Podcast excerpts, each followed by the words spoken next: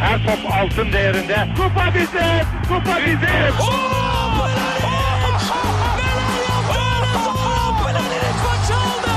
Dengeli de attı. İsabeti de buldu. Matta Fontervi. Zora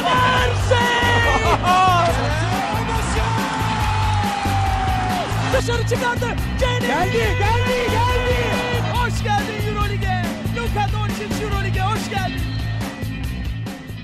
İkili Oyun'un 111. bölümüne hepiniz hoş geldiniz. Ben Ali Aktin. Mikrofonun diğer ucunda parkelerin sıcak eli Tancan Füven var. Ne haber abi nasılsın? İyidir. Valla sıcaktık bugün ya. bol bol attık. Aynen. Bir maçı sonuna doğru gaz yaptın falan. Dedim alacak herhalde. Yürek koydun. Ama ben Yüreği tabii ki de ama. daha iyi olan taraf olarak maçı kazandım. Siz daha do- doğru tercihler yaptınız. Biz hata yaptık. Ee, bu arada e, herkese bir haberimiz var. Biliyorsunuz Serkan geçen hafta, e, daha doğrusu bu hafta yaptığımız Euroleague e, kaydında yoktu ve orada Tancan bahsetmişti bir süre e, aramızda olamayabilir diye. Evet artık müjdeli haberi verelim herkese. Arkadaşlar Serkan baba oldu. Ba- baba olmadı sadece 2038 galiba kaba hesapla e, draft adayı bir oyuncu sahibi artık. Bu arada e. bebek haberi Golden State maçını izlerken gelmiş. O yüzden artık bilmiyorum oraya doğru mu göz kırpar. Şutör mü olacak bu çocuk başımıza nedir? Oğlum Serkan Şütör zaten babasına çekerse Ha, Golden evet. State yolu açık ya. Can yakıcı bir köşe üçlükçüsü olabilir. Yani 2038 Ege Mutlu için hazırlanın.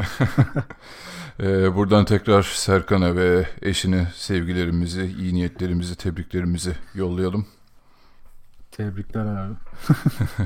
Evet artık onun da yolunu gözleyeceğiz ama bakalım artık e, bir e, tarih veremiyoruz şu an için. E, onun haricinde bayağı yoğun bir gündemimiz var. E, kovulanlar, takaslar, çıkış yakalayanlar, acayip performanslar derken e, NBA'in ilk çeyreğini geride bıraktık. E, hemen başlamadan önce ben e, bize ulaşabileceğiniz kanalları ileteyim. Web site adresimiz ikilioyun.com, mail adresimiz selam.ikilioyun.com, Twitter, SoundCloud ve Spotify'da ikili oyun olarak aratırsanız bizi bulabilirsiniz. Ee, sohbet ettiğimiz bir Telegram grubumuz var. t.me slash ikili oyun. Ayrıca Geek Yapar'ın YouTube kanalından da bizlere ulaşabilirsiniz. Ee, ve bunun haricinde de değerli dostum Tancan'ın twitch.com slash tancan adresinde inanılmaz yayınları oluyor. Ee, yanılmıyorsam e, yemek ağırlıklı gidiyorsun abi bu aralar. Yani Bu ara işte Anadolu'nun yöresel tatları, Yani, kuzu tandır, Kat- aynen katmer nasıl yapılır? Kuzu tandır hangi elle yenir? yani Her şey var. kelle paça tarifi istiyorsanız mutlaka Tancan'ın kanalına uğrayın. İnanılmaz. Ko- Konya obruk peyniri inanılmazdır yiyin yani. Şarap falan her şey var bizde. Hiç sorun Evet, yok. Evet, e, eğer siz de damağınıza düşkünseniz Tancan'ın Twitch kanalına mutlaka uğrayın. Diyelim ve evet başlayalım. Önce haberlerle başlayalım abi istersen. Bu haftanın en dikkat çekici haberlerinden biri e, Utah ve Cleveland arasında yaşanan e, takastı. Bu takas sonucunda Kyle Korver Utah yolunu tuttu. Cleveland'da Korver'a karşılık Alec Burks'u ve iki tane ikinci tur piki aldı. 2020 ve 2021. Nasıl değerlendiriyorsun abi bu takası? Valla aslında senin dediğin kısmen tuttu. Yani, Değil mi? Aynen. Utah, Utah bir hamle yapacak di- diyordum. Tuttu valla. Gerçi şey yani değişiklikten çok ek yani ekleme yaptılar. Hı hı. Yani Alec Burks'ün zaten hani kenardan gelip Aynen. abi şeyle falan çok kötü oluyordu ya. Yani kenardan gelen oyuncular o kadar bir şey yapmıyor ki Utah'ta. Kyle Korver o boşluğu dolduracak. Bir de tabii şey için iyi ya. Yani Cleveland'ın gideceği yola da bakınca ki Korver'ı bu seviyede e, bir oyuncu artı iki e, tur hakkına bozdurmak bence çok karlı oldu ya onlar için de. Yani, Yani evet bayağı artık takımlar bu pik verme konusunda bayağı cimri davranırken iki tane birden ya ikinci tur hakkı bile olsa yine de artık eee, yani çok da şey olmadı. eee, sürpriz olmadı herhalde. Yani Ko- Korver için değer herhalde. Eee, yani Utah tarafından da değerlendirirsekten ben mutlaka bir şutör eklemeleri gerekiyordu bence bu takıma. E, o açıdan mantıklı. Hem tabii ki bu bir şey değil. Senin söylediğin gibi bir ana parça transferi değil. Ama kenardan gelecek ki geçen maçta 15 attı yanlış hatırlamıyorsam. Evet, O da- sonra bir durdu sonra tekrar 4 ya da 3 üçlük daha attı bir sonraki maçta da. Yani evet Alex Alec Burks'ün e, çok da verimli olamadığı Utah macerasından sonra böyle bir e, takas daha çok Utah'ın işine gelecek gibi duruyor. Cleveland da zaten artık bir yeniden yapılanma içine girdiği için bakalım onların Ya kesin yarayacak. Tabii teknik olarak da şöyle bir ek var orada. Şimdi şeyi konuşmuştuk işte. Rubio'nun form tutmasını beklerlerse geçen sene kadar işlerinin rahat olmayacağını da gördüler. Ya Batı'nın durumu da ortada. Güle oynaya gidemeyeceklerdi. En azından şimdi Korver oyuna girdiği anda hem Donovan Mitchell için bir spacing rahatlaması olacak. Hem de e, Ingles için de olacak. Ingles'in ikinci ikili oyunları falan da tıkanıyordu Rubio ile oynadıkları Hı hı. zaman. Yani o yüzden e, Korver oyundayken aslında etkisi atacağı şuttan biraz daha fazla olacak Utah için. Tabii aynen katılıyorum ben de. Yani İngiliz'in de zaten böyle hani e, geçen sene playofflarda bir şey durum vardı. Artık kendi şutunu yatmaya yaratmaya çok zorlanıyordu. Yani zorlanıyor dedim hani ona doğru evrilmeye başlamıştı aslında öyle bir oyuncu olmamasına rağmen. Evet, e, şutör bir takım Utah'ın çok işine gelecektir. Dediğim gibi Rubio'nun pek sağ solu belli olmuyor. O form seviyesini geçen sene harika bitirmişti. Bu sene o seviyeye çıkar mı o da soru işareti. E, o açıdan ben de olumlu görüyorum Utah adına özellikle bu transferi. Güzel oldu. Evet ekleyeceğin bir şey yoksa bir Yok. bir sonraki haberimize geçelim. Ee, Chicago Bulls e, koçu Fred Hoiberg'ü kovdu. Heh. Ve yerine kalıcı olarak yani geçici koç olarak değil sezon sonuna kadar kalıcı olarak hatta şeyi de açıkladılar hani seneye de takımın başında istiyoruz diye Jim Boylan'ı getirdi. O da yani Jim Boylan bu arada e, eski Popovich asistanlarından biri. O da bayağı trend oldu bu aralar. Yani Popovich'in elinde yani herkes bir head coachluk yaşıyor bu aralar. Ee, buna ne dersin abi? Ha ben bu konuda biraz doluyum ya. Sinirliyim de. Dök abi. Sırf üstüne. Hoiberg üzerinde değil yani şöyle bir durum var ya bu biraz şeyden gireceğim toz bulutundan gireceğim ama işte abi işte Avrupa Ligi, Koç Ligi, NBA e, şey e, oyuncu ligi abi öyle oluyor falan. Ya bak yani son dönemlerdeki yani LeBron James'i bir kenara koyuyorum. Orada çok bence özel bir durum var zaten. Ama diğer başarılı olan takımların hepsi takım oldukları için, kültür sahibi oldukları için, e, bu kültürü her gelen oyuncuyla destekledikleri için yıllarca istikrar yakaladılar. İşte Golden State de bunu yaptı vesaire. Ama hala ısrarla abi işte takım e, oyuncular üzerinden dönmeli bilmem ne falan gibi salak salak geyikler dönüyor. Buna çok takılıyorum ben. İkinci konu da Hoiberg kovulduğu anda bütün piyasa şöyleydi. Abi hücum setleri çalışmıyor ama abi hücum setleri çalışsaydı Hoiberg iyi koç. Ya bu adam geçen sene 13 e, maçtı galiba değil mi? Bir seri yakaladıktan Aralık ayı olması lazım. E, Mirotic'in döndüğü. O dönemdeki o 13 maçın bütün temeli savunmadan geçiyordu. Yani yine mükemmel üstü yani 130 attıkları bir hücum dönemi yaşamadılar. Ve şeyi konuşuyordu işte abi hücumda iyi oldu takım falan. Bu sene de aynı şey. Abi Lavin hücumda sürüklüyor. Lavin mükemmel. Ya bak bu sene bir Dallas bir de San Antonio maçı izledim. İkisinde de Zach Lavin'in oyunu o kadar iplemediği ve sanki sokakta 3'e 3 oynuyormuş gibi yaptığı hücumlar yüzünden iki maçta son toplarda kaybettiler. Hatta Spurs maçını tekrar yeni izledim. Orada son topta Hoiberg e, şey diyor yani bir sayı fark var içeri drive et diyor. Israrla Jabari Parker pik getirmeye çalışıyor. Lavin geri yolluyor. Tekrar istiyor. Bak Parker kendi istiyor. Giden gitmek isteyen de Parker hani zekasını sorguladığımız başka bir oyuncu. Onu da geri çevirip kaldırıp üçlük atıyor maçı kaybediyorlar. Şimdi peki ben bunları niye anlattım? Abi şimdi organizasyonun kötü olduğu zaman koçların tek başına bir takımı yönetmesi zordur. Bak hani bu oyuncuyu ikna etme teknik kısmından bahsetmiyorum. Oyuncuyu yönetme kısmından. Şimdi Lavin sakatlı dön, döndü geçen sene işte bir form tutmaya çalıştı. Ona rağmen bu takımda bu kadar iplemeyecek seviyeye nasıl geldi? İkinci konu Markkanen sakattı geri döndü. Acaba o da mı böyle davranıyor? Yani evet açıklama yaptı. Ya ben seviyordum ama soyunma odası hakkında çok bir şey diyemeyeceğim falan deyip kıvırdı. E diğer oyuncularda aynı durum varsa bu çok temel bir işte Chicago'nun e, Paxson döneminin en başından beri zaten bakarsak ki hani kaliteli oyuncu kaç tane geçti desen yani işte hani Rose'da Butler'ı sayarız. Rose sakatlandı. Butler da kaçtı. Onun dışında bir dönem Kirk Heinrich'lerle falan oynadı bu takım. Lowell Denk'lerle falan takıldı. Abi bir ara Rondo deneyi vardı biliyorsun. Abi o zaten o takım bak hani kültür oluşturuyoruz, yeniden yapılanıyoruz. Gelen takım e, oyuncular Wade ve Rondo. Üstüne de Portis Mirotic dövüyor falan öyle bir ortam. Şimdi bu ortamda Hoiberg'e yüzde e, yüzde yüz diyemezsin zaten. Yüzde yetmiş seksen suçlu demem bile çok zor. O yüzden hani e, olay Chicago'nun bu işte kültürü oluşturma tarafında, GM tarafında, yönetim tarafında çok büyük bir sıkıntı olduğunu gösteriyor. E bu şimdi bu değişiklikte de ben hiçbir şey değişeceğini zannetmiyorum Chicago'da. Ve hani e, eğer uzun vadede Zach Lavin'e bel bağlayacaklarsa ve Zach Lavin bu şekilde oynamaya devam edecekse yeni koçla da Mark Cannon de harcanır orada. E, diğer genç oyuncular da geldiğinde harcanır ki ben Chicago'ya sezon başında heyecanlıyım derken Mark Cannon üzerinde ve Wendell Carter üzerinde bunu söylüyordum. Çünkü ikisi de bence yan yana oynadıklarında çok kaliteli olabilecek oyunculardı ama hiç, hiç oynayamadılar bile daha. Bir maç işte çıkabildiler.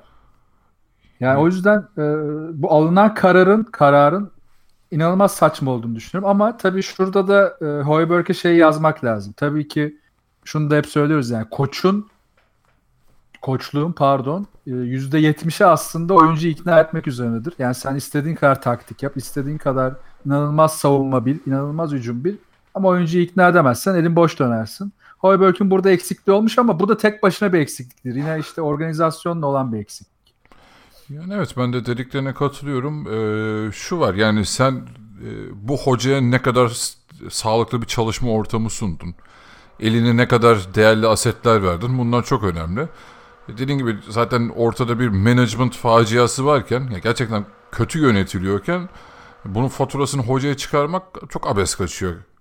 Ve diğer taraftan hadi bunları da geçtim. Abi daha bu sezon başında herif full kadro eline geçmedi yani. Senin yıldız oyuncun sakat. İşte Portis'in sakat, Valentine sakat, Chris Dunn sakat. E ne bekliyorsun abi? Yani şimdiden e, ilk 8'de mi olmayı hedefliyordun yani bu kadar oyuncu sakatken? E, geçen, geçen sene de vardı bu sakatlık var. Ha aynen. Ya bu kovulma zaten kesin şey yani şu çok net. İşte bu soyunma odası diyaloğu üzerinden e, oyuncuların bazılarının ki ben bunun başını zeklerini çektiğini zaten belli inanıyorum. İşte e, GM tarafının da onları dinleyip tamam ya biz koçu değiştirip yolumuza bakarız tarzı aldığı çok böyle eski 20-30 yıl önce olsa tamam deyip geçeceğin salakça bir karar. Ben Chicago'da artık umudu kestim. Yani e, Mark Cannon'a üzülüyorum şu anda. Umarım Mark Cannon'ı orada harcamazlar. Umarım e, o da iki sene sonra ya ben e, sözleşmeme şey yapmayalım ya ben kaçıyorum deyip Jimmy Butler gibi uzayabilir. Hazır olsun Chicago'lular diyor. Ya valla şeyi e, o bile saçma gelirdi ama hani bu kararı sezon ortasında almış olsalar lan yine hadi diyeceğim ben. Yani bir şeyler var aklında. Hani Hoiberg'in performansından memnun kalmadılar. Abi şu an kovulmasının yani zamanlama olarak en ufak bir mantıklı açıklaması yok. Ya burada Hoiberg çok şahane bir hocaydı, koçtur falan yani adam övmek açısından söylemiyorum. Ee, gerçekten bir şey mantığı yok, bir tutarlı tarafı yok. İşte ya, tabii. Diğer ya taraftan... bunun bir örneği var mesela. Ya pardon araya girdim de. Yani mesela sen buna daha hakimsin aslında Boston tarafında. Isaiah Thomas örneği. Isaiah Thomas takım çok iyi giderken işte Cleveland'da 4-0 süpürdükleri Hı-hı. sene o döneme gelmeden çok daha önce yılbaşı falandı galiba o sezonun yılbaşı dönemiydi. Brad Stevens'a sövdü adam. Yani sövdü dedim hani söylendi. Ya işte biz aslında bilmem ne çok da iyi değil miyiz? Koç bizi bilmem ne yapmıyor falan. Boston nasıl bir karar aldı orada?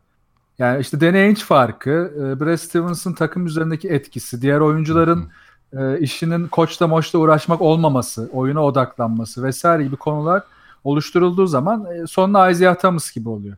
Diğer türlü olursa da işte GM'in e, tırtsa ve oyuncularla bir kültür oluşturma gibi bir derdin peşinde değilse de Bulls gibi sonuca gidiyorsun.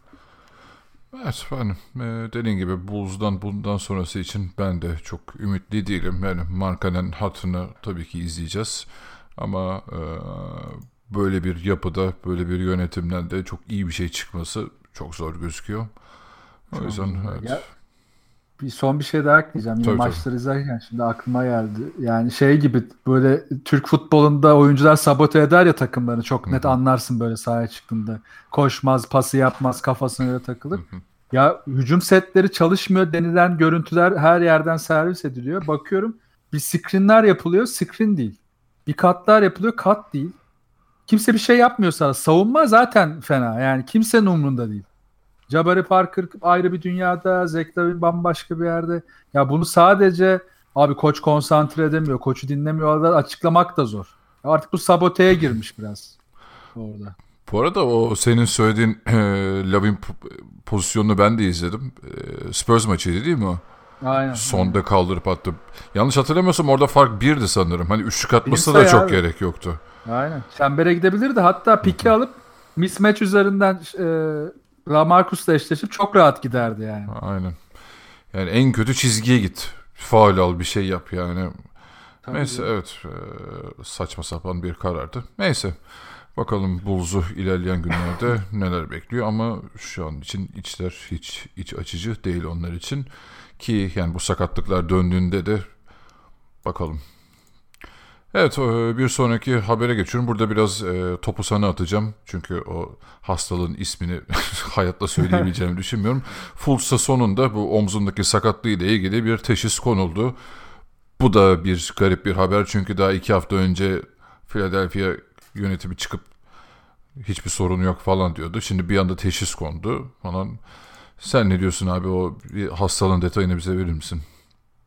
Ya bu geyi hep yapıyorum da cidden e, Philadelphia sağlık ekibi iki senedir askeriye gibi ya. Yani adam uzun ağrıyor diye gitti. Basur teşhisi koydular adama. İnanılmaz bir şey ya. Yani biz de buradan atıp tutuyoruz ya abi psikolojik mi acaba falan diye. Çok ciddi teşhis konmuş yani. Thoracic, e, dur İngilizcesini söyleyeyim önce. Neurogenic Thoracic Outlet Syndrome. Türkçesi de aslında birebir yani bulduğum bir pdf vardı. Torasik çıkış sendromuymuş bu. Bayağı kaslarda da işte deforme oluyor. Boyun ve omuzla bağlantı yapan kaslarda sürekli ağrı oluyormuş. Ve bu ciddiymiş yani bayağı. Bununla ilgili de hani, e, ciddi bir fizyoterapi ve rehabilitasyon süreci gerekiyormuş. Özetle. Ki hani şey e, ve çok ciddi bir dinlenme dönemi gerekiyormuş bunun. Hani geçen sene hiç oynamadı. Ve sağlık ekibi hiçbir şey yapmadı mı yani o kadar süreçte bu adam ne yaptı da iyileşmedi o da ayrı bir konu. Yani bu teşhisin üzerine konuşuyorum tabii. Eğer kendi bir şey yaptıysa o başka bir konteks olur. Hatta şunda şöyle bir dedikodu var belki duymuşsundur. Daha seçilmeden önce sanırım oluyor bu. Dirt bike bu işte arazi motosikletiyle e, yarışmayı çok seviyormuş. Fools. Öyle okudum bir yerde. Orada sakatlandı omzun üstüne düştü söylüyor ki motosiklet ve bisiklette zaten genelde düştüğünde en ciddi omuz sakatlıklarını yaşıyorsun. Abi bir saniye bunlar e, NBA oyuncularına yasak değil mi abi bunlar basketbol işte oyuncularına? Seçilmeden önce ha. olmuş ve yani net bir şey yok dedikodu bu. Ha. Yani şey yok. Normalde tabii sen sözleşme yaptığında e, sözleşmene bu tip şeyler ekleniyor. Motosiklet kullanamaz işte izinsiz Hı-hı. halı saha maçı yapamaz falan gibi. Çünkü şey kimdi? Kariyerini bitiren Chicago'lu sakatlanıp motor kazası Aa, yapmıştı. E, aa, evet hatırladım da ismi hmm. hiç gelmiyor şu an aklıma. Oyuncu Sonra hatırladım ama. Ekranlara falan çıkmaya başladı galiba yorumcu olarak. Neyse. Aynen. E, o örnek geldi aklıma. Yani eskiden bir de şey vardı 90'larda çok net hatırlıyorum. Maç öncesi girişlerde Carmelo'nun halleriyle gelir. lap lap lap. Menobur gibi pata. çıkıyor değil mi? Aynen. Harbiden böyle deri ceket çıplak giymiş falan. Tam halleydi falan. O günlerden tabii artık çok ciddi sözleşmeler yapılıyor. Ama yani bu işin özeti bu tanının işte bu kadar geç konması ve artık hani bu tanı kondu ve gerçek eğer gerçekten bu tanının üstüne %100 bir iyileşme sağlarsa Fultz ben Philadelphia Fultz'un ilişkisinin düzeleceğini zannetmiyorum. Fultz bundan sonra hani Philadelphia hiçbir şekilde güvenmeyecek. Ve o bağlar iyice kopacak. Yani bundan da şeyi mi çıkarmalıyız? Yani Philadelphia sakat sakat bu herifi sahaya sürdü o zaman. Ya muhtemelen öyle. Yani, yani bu da ayrı bir rezalet. E, tabii. Yani geçen bir de hani bak geçen sene denedin oynatmadın o kadar boş bir süre geçti orada iyileştirememişsin adamı. Ha, yani Demek evet, ki orada yanlış Bir sene ne yapıldı bu herife? Yani Abi şey gerçekten yapamamış. bak hani bazen Euroligi eleştiriyoruz ya böyle haber almakta sıkıntı çekiyoruz falan. Ya bu Philadelphia ve sağlık olayları da apayrı bir boyut yani hiç doğru bilgiye ulaşamıyorsun. Her hafta farklı bir şey ekleniyor üzerine. Çok çok ilginç ya ben anlam veremiyorum artık buna. Aynen. Ya geçen hafta konuştuğumuz işte Zipser olayı da öyle. Yani Bulls tarafında da sıkıntılar var. Birçok takımın artık sağlık ekipleri üzerinde daha bir baskımı kurması lazım, değiştirmesi lazım. Mesela futbolda da bu çok oluyordu. Ben Arsenal takip ettiğim için hani Arsenal bunun acısını çok uzun süre çekti. Sonra komple her şeyi değiştirdiler. Şimdi düzeldi daha yeni yeni. Ki bunda teknik direktörün de suçları vardı ama işte yine NBA'de daha da profesyonel bir ortam. Yani koç senden, doktorundan zaten onay almadan hatta bazı durumlarda NBA'den izin almadan atamıyorsun. Böyle bir durumda oynattıysan bu doktora yazar yani. Doktorun suçudur. Evet bakalım oradan daha haberler çıkmaya devam edecek mi ama umarım çıkmaz ve yani ben sadece şunu diyorum abi Fultz yeteri kadar ya da gerektiği kadar o izni alsın. Recovery'sini geçsin, terapisini olsun hani bizim karşımıza artık hazır olarak çıksın abi bu adam. Yani gerçekten hem kendini yıpratıyor hem izleyenlere karşı artık bir antipati doğmaya başladı. Çünkü her hafta Fultz konuşuyoruz. Sürekli onun hakkında evet. bir haber çıkıyor. Takım bir yandan abi. destek veriyor. Her, gerçekten ben haber çıkınca öf lan yine mi Fultz dedim yani. yani. Bakıyorsun bir yandan olan herifin suçu var mı yok mu o da çok belli değil. Çok e, karambol saçma bir ortam oluştu yani. Dediğim gibi umarım bu eğer tanısı teşhisi konduysa o yani bu sezonda oynamayacaksa oynamasın abi. Yani şey geleceğinden kıymetli mi? Sezon başında yani tekrardan başlasın yani. yani ne olacak? 6 haftada falan recover olur diyorlar hani bu iyi bir fizyoterapiyle ama ben işte iyileşse de Philadelphia'da bu yüzden devam etmeyecek. Şimdi bir şey olsa tekrar Philadelphia'lar yine anlamayacak. Adam tekrar başa dönüyor. E, tabii orada Çok da sakat. Ben gerçekten adam psikolojisiyle oynamış oluyorsun yani adam e, ulan yine mi sakatlandım yine mi yanlış teşhis falan iyice ne boka sarabilir yani oralar. Hmm. Umarız Aynen. öyle gitmez. Neyse e, o zaman bir sonraki haberimize geçelim. E, kötü girişin artık e, dur dediği Boston Celtics'te Gordon Hayward sonunda e, dönüşünü yaptı ve son oynanan Minnesota maçında bench'ten gelerek 30 sayıyla oynadı. E, bu performans hakkındaki yorumlarını alayım abi. İstiyorsan sen söyle Boston. Ben maçı izleyemedim de sonradan baktım. Bu arada ne tabii 30 sen? sayı, 9 rebound, 8 asist. Sadece 30 sayıyla geçiştirmeyelim. Hani gerçekten e, güzel bir performanstı. Ya ben biraz şuna bağlıyorum. Şimdi şöyle bir durum vardı. Sezon başından itibaren Brad Stevens Gordon Hayward'ı hiçbir şekilde kesmedi abi ilk baştan. Hep inat etti. Ben sezon başından beri Boston'ın halini biraz e, şöyle değerlendiriyorum. Yani Brad Stevens'ın maçı değil sezonu kazanmaya çalışıyor olarak değerlendirdim.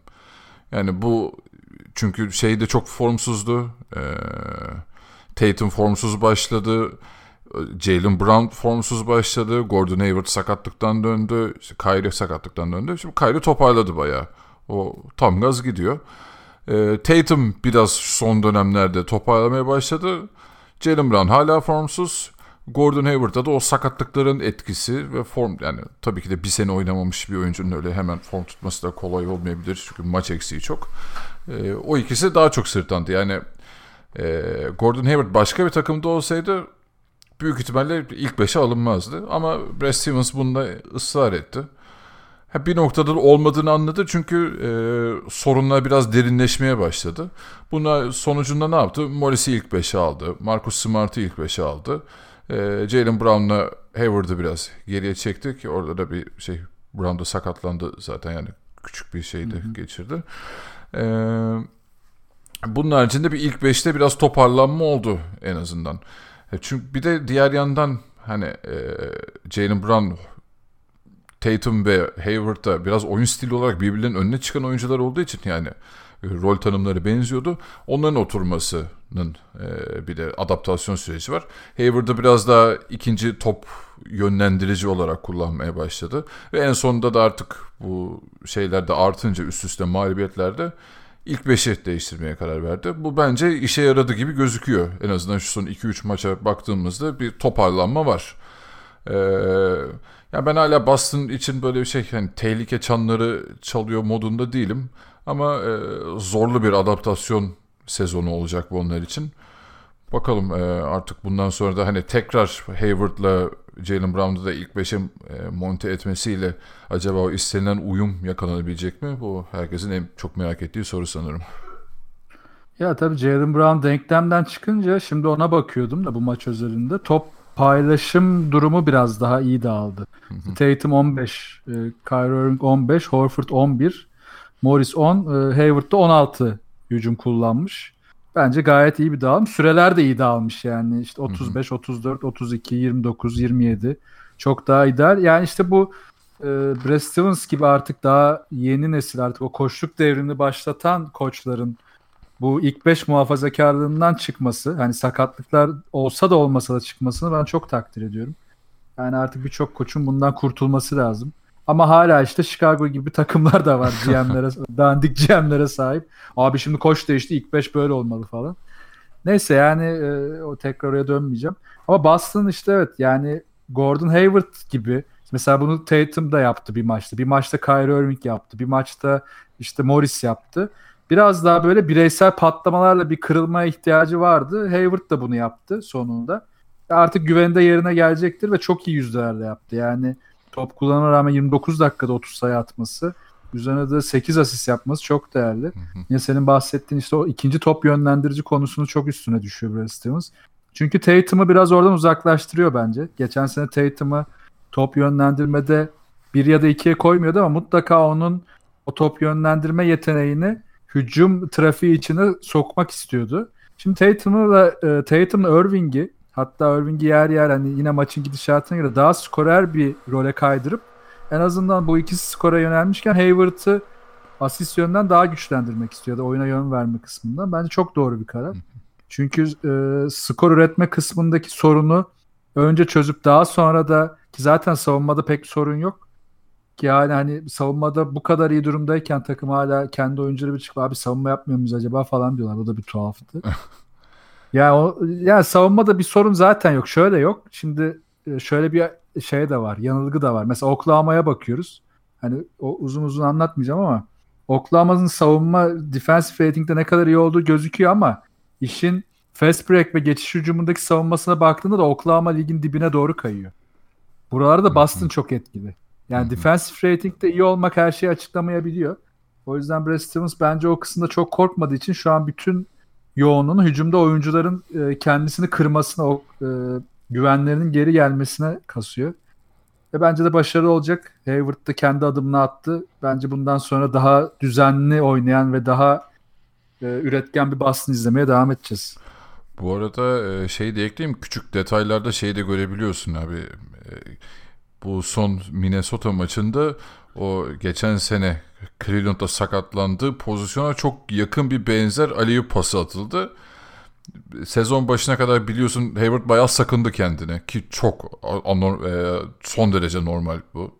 Ya o kadar ağır bir sakatlık yaşamış bir oyuncunun hani kendini sakınması eskisi kadar hani o pozisyonlara girmemesi.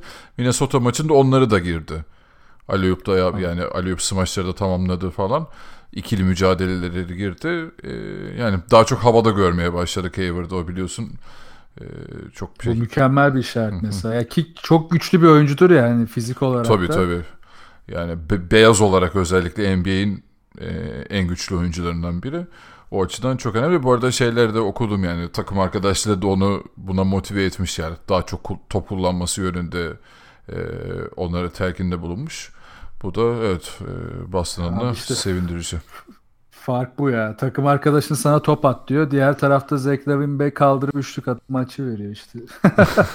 ben taktım Bulls'a çok taktım. Devam programda sallayacağım onu. Ya da Cleveland'da falan Sexton'a gidip abi bu herif oynamayı bilmiyor ya. Bana diyor. bir de veteranlar söylüyor. Bu kim lan hmm. tırrek getirmiş top atamıyor. Allah kahretsin. Hoca bilmiyor al bunu kenara falan tarzı. Evet. Ya ulan ger ya gerçekten LeBron James'in biraz böyle e, ifrit olduğu karar varmış. Pek yansıtmıyormuş bize. Ben onu anladım gittikten sonra.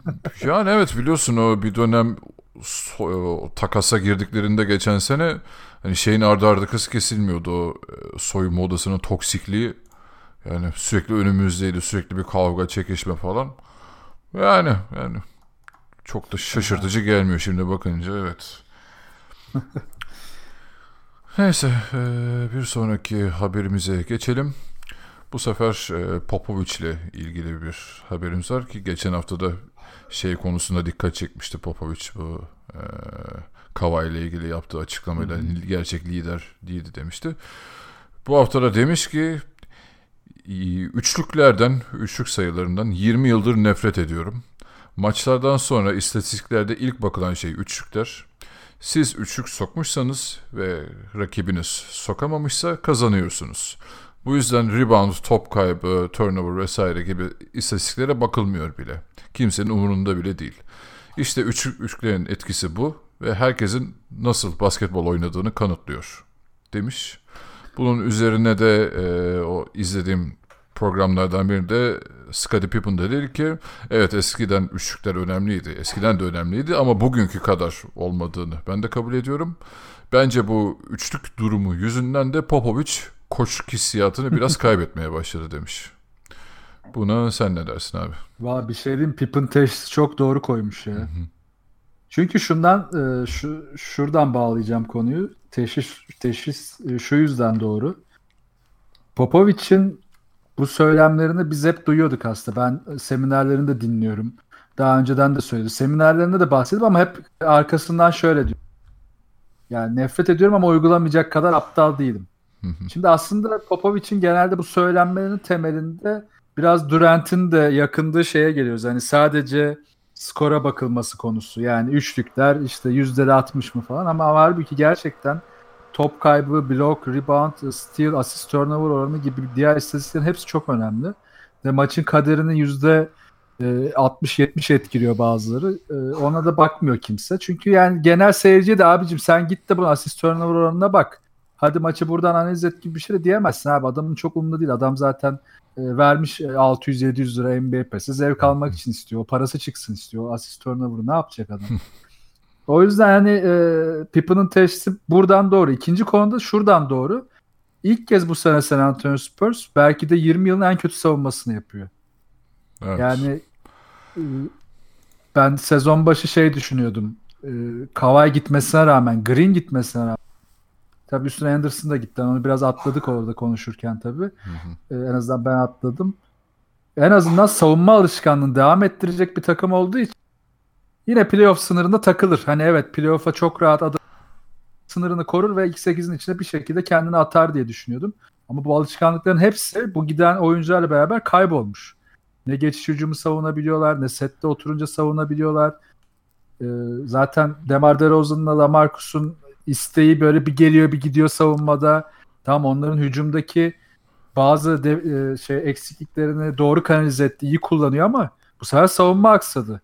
E sen şimdi savunma bu kadar aksarken ve elinde rakip savunmaları bozacak yeterli dış silahın yokken biraz bundan söylenince biraz şey gibi oluyor. Bahane arıyormuş gibi oluyor bana ki Popovic'e de yakışmıyor bu ya. Yani buradan eleştirebiliriz biraz Popovic'i. Ben de şeye katılayım. DeRozan dedin. E, hücumda da DeRozan abi bu işte Nick Nurse'un geçen sene Toronto'da e, oturtmak istediği hücumda biliyorsun bir değişime girmişti onlarda. Ben bazı alışkanlıklarına geri hızlıca geri döndüğünü hissediyorum DeRozan'ın abi Spurs'ta. Çok, çok hızlı döndü. İşte bak konfor alanı demiştik ya geçen Goodrich için konuşurken. Ya sen bir oyuncuyu konfor alanına itersin. Ee, bazı şeyleri doğru yaptırsan bile o bu sefer oradan çıkacak, onu kıracak şeyleri yapmamaya başlıyor. Yani kendini aşmayı bırakıyor. İyi yaptığı şeyleri devamlı yapmaya devam ediyor. Ama bu da işte sana her zaman yetmiyor. Kendini kırman, üste çıkman. Bak Kavai'deki değişim, Kavai'nin Toronto bazındaki değişimi aslında bu. Geçen sene dediğin gibi yani e, DeRozan bir önceki sezona göre bile daha fazla üçlük deniyordu. Evet çok yüzleri sokamıyordu ama bunu denemeye başlaması savunma sistemlerini iyi kötü bozuyordu rakipler için. Bu sene komple bıraktı ya. Hiç umurunda bile değil yani. Tamam ben konfor alanını buldum dedi. Döndü. Şimdi o kırıcı gücü de hiçbir şekilde bulamıyor. E sen bu kırıcı gücü bulamazsan savunmada da düşmeye başlıyorsun. E savunmada iyi olmazsan da e bu sefer hücuma zaten yavaş çıkıyordun. Öndeki hücum hareketliliğini de kaybettin. Geçen sezon San Antonio Spurs yarı saha geçtiğinde yine hareketli bir hücum yapabiliyordu. Yani pace'te düşük çıksa da çünkü açık saha çok yavaş geçiyordu ama e, top hareketli değildi. Bu sene o da kalmadı. O yüzden artık bahane üretiyor gibi geliyor bana. Valla bazen DeRozan'ın şeylerini izliyorum da pozisyonlarını yani tepede mesela top dönüp dolaşıp bomboş pozisyonda DeRozan'a geliyor. İçeri drive ediyor abi atmıyor. Abi çok evet, çok ilginç. Saç baş yolarsın yani bomboşken bari gerçekten. Bari ona at ya. Gidip fuar çizgisinin orada drive'ı kesiyor bir de. Hop top geri çıkıyor falan. Yani Saçmalık. evet üzü, üzüyor. Ama evet yani bu konuda da şeyi bilmiyorum tabii Popovic DeRozan'a karşı ne kadar talepkar davranıyor. Hani o şutu kullanması yönünden ne kadar telkin ediyor onu. Ya da e, geçen sene yaptığı gibi hani Lamarcus'un tamamen olması iste- istediği kişiyi olmasına izin vereceğim demişti. Hani e, onu bir e, evrime sokmak istememişti. Bunun bir hata olduğunu kabul etmişti. Acaba DeRozan'a da böyle yaklaştığı için mi? DeRozan'a kendi eski alışkanlıklarına geri döndü acaba? E bir de bu üzerine bu açıklama gelince biraz bende hayal kırıklığı ve şey oldu açıkçası. Hani bu sene ümitlerimi biraz daha köreltti Spurs'e karşı. E, bir de Aynen. zaten biliyorsun hani Popovic'in seneye mi son sezonu olacaktı?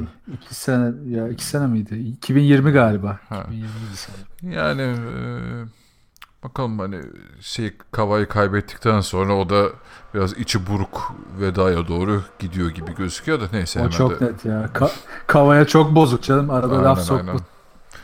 Sen gitmeyeydin böyle olmayacaktı işte. hey, peşinde. Bir ufak bir şeye de değinmek istiyorum. Şu Tabii. Pippen'ın eskiden de üçlükler önemliydi konusu. Mesela bazen işte bu konuşu abi eskiden işte savunmalar çok acayipti şimdi yoktu falan. Ya eski maçları bazen açıp izliyorum. Düşünüyorum da zaten bazıları öyle aklıma kazınmış ki. Üçlük daha az kullanılıyor. Daha e, stratejilerin ana maddesi değildi. Ama atabilenler o kadar değerliydi ki ve atıldığı zaman etkisi çok büyük oluyordu. Aslında bugüne oranladığında yani toplama etkisi evet daha düşüktü ama değeri daha yüksekti. Çünkü çok az bulunuyordu. Yani biraz şey gibi altın madeni bulmak gibiydi. Abi tabii biz şeyleri sav- boşuna mı izledik? Miller'ları, Stajkovic'leri. tabii. Tabii canım çıldırıyorduk yani. Çünkü onu görünce o adam acayip diyordum ve şunu fark ediyordu mesela Jordan gözümün önüne geliyor. Hep izledim ki açıp izliyorum yine arada. Jordan'ın o şutları atmaya başladığı anda ya da üçlük denemeye başladığı anda ya da üçlük fake'inden sonra drive ettiği anda savunmaların nasıl bozulduğunu. Ya işte bunlar hep tercihler aslında. Yani Jordan gibi akıllı bir oyuncu ya da işte Pippen gibi akıllı bir oyuncu bugün bile diyor ki yani evet abi üçlük aslında önemli. Tabii ki bugünkü gibi değil ama o gün önemliydi çünkü biz bunun değerini anlıyorduk ve ona göre kullanıyorduk diyebiliyor. İşte bir de Charles Barkley gibi oyuncular var. Onlar hiç anlamıyor.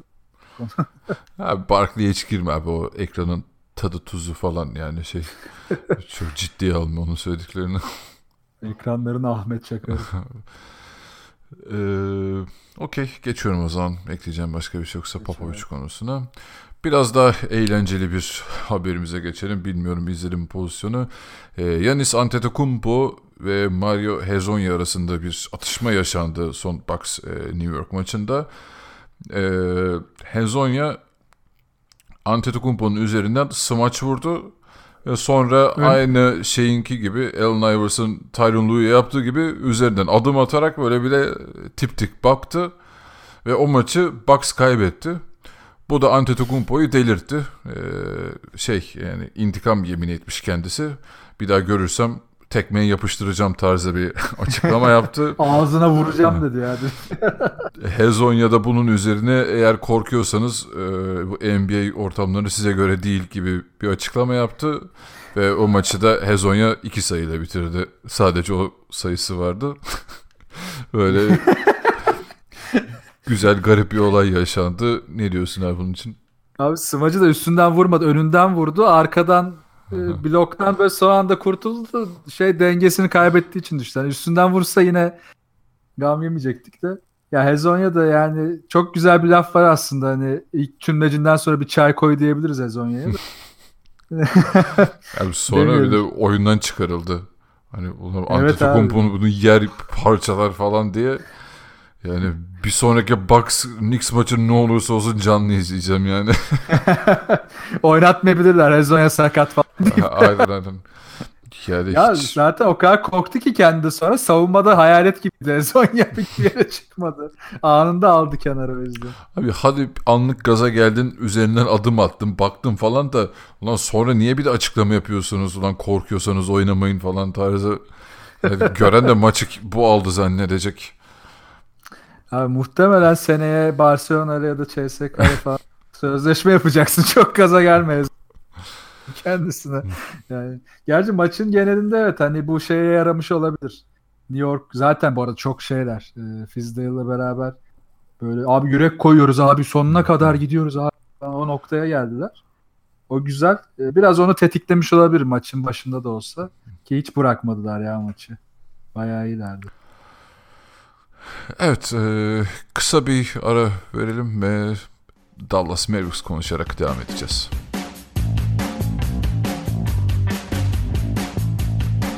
Evet, e, bu haftaki konuşacağımız takım Dallas Mavericks oldu. E, şu an ligde yanılmıyorsam bu kaydı yaparken kaçıncılar? Yedinciler Batı konferansında. E, 12 galibiyet, 10 mağlubiyetle. E, 13 işte, oldular dün. 13 mi oldular? Portland. Ha 13 oldular. Ha. Portland. Ha pardon. Son pardon pardon. Son 13 maçta 10 galibiyet. Pardon Aha. yanlış. Ee, Okey. Bu haftaki kodumuz Dallas abi buyur. Ya Dallas inanılmaz mutlu ediyor. Bu arada şey hissi oluyor mu ya sende de? Bazen oluyor. Şimdi biz haftada bir maç yapıyoruz salonda. Hı hı. Öyle o hafta boyunca odaklandığım bir oyuncu olursa sahaya çıktığımda onun gibi bir şeyler yapabilir miyim deyip rezil oluyorum arada ama böyle insan aklı ister istemez kayıyor böyle. Bu hafta da çok Doncic izledim. Şey mi o Pistol Pete hareketini mi yapmak istedin? Böyle uzunun arkasından uzatıp sağdan veriyor ya. soldan verecekmiş gibi. Aynen. Hem o hem de pikten sonra böyle kıçını işte savunmaya dayayıp e, alan açıyor. Alandan sonra uzunu bekliyor. Tekrar pas yapıyor falan. İnanılmaz hoşuma gidiyor. Aynısını bu arada Bogdanovic de yapıyor. Aynen tam onu diyecektim. O da çok sever o hareketi. Aynen. Yani Doncic izlemek aşırı keyifli. Yani o yüzden de bu, bir de bu 13 maçta 10 galibiyet ve sezon başına göre birçok şeyin değişmesinden sonra bir Dallas konuşalım istedim açıkçası.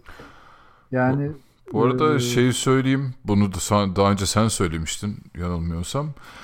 Ee, biz tabii yani hem biz hem de Avrupa basketbolunu takip edenler Doncic'in kapasitesini 3 aşağı 5 yukarı iyi derecede biliyorduk yani.